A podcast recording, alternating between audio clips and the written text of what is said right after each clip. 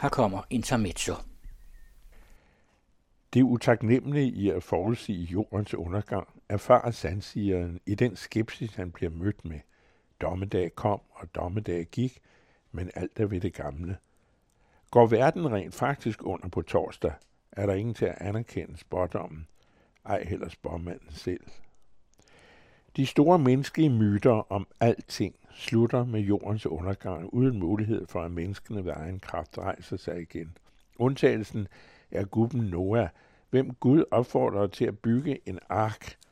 Målene til fartøjet låner vor herre fra Gilgamesh. Men så begynder regnen. Noah gelejder for uden sønner og familie marken styr to og to ombord.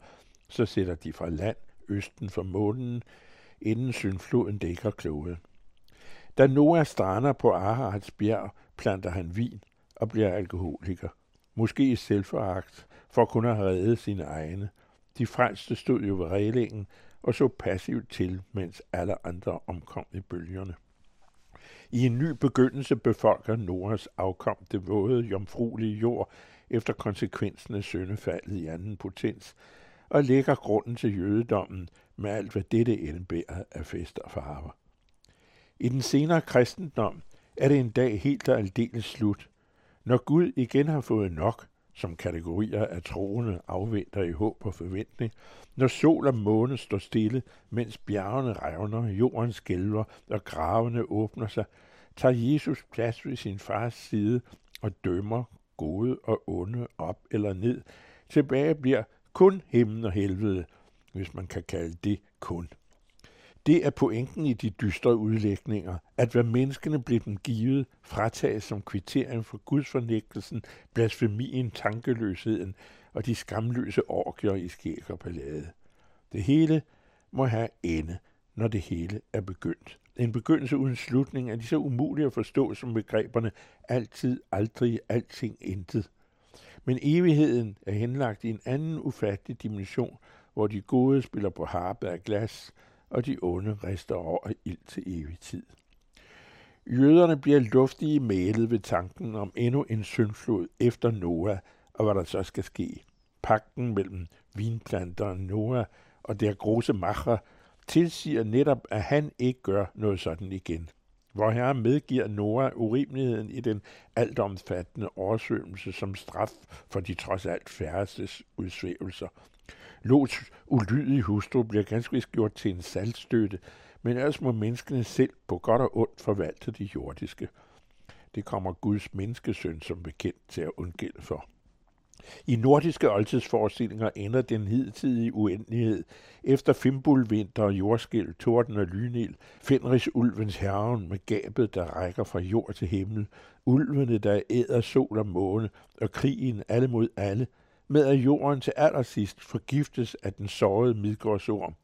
I dødskampen ved møde med Thor og hans hammer udspyr ormen floder af æder og forgift, hvorved også Thor må dø, og da Odin endelig opædes af ulven, går hele den mytiske verden og verden som sådan under, og alt bliver mørkt som før.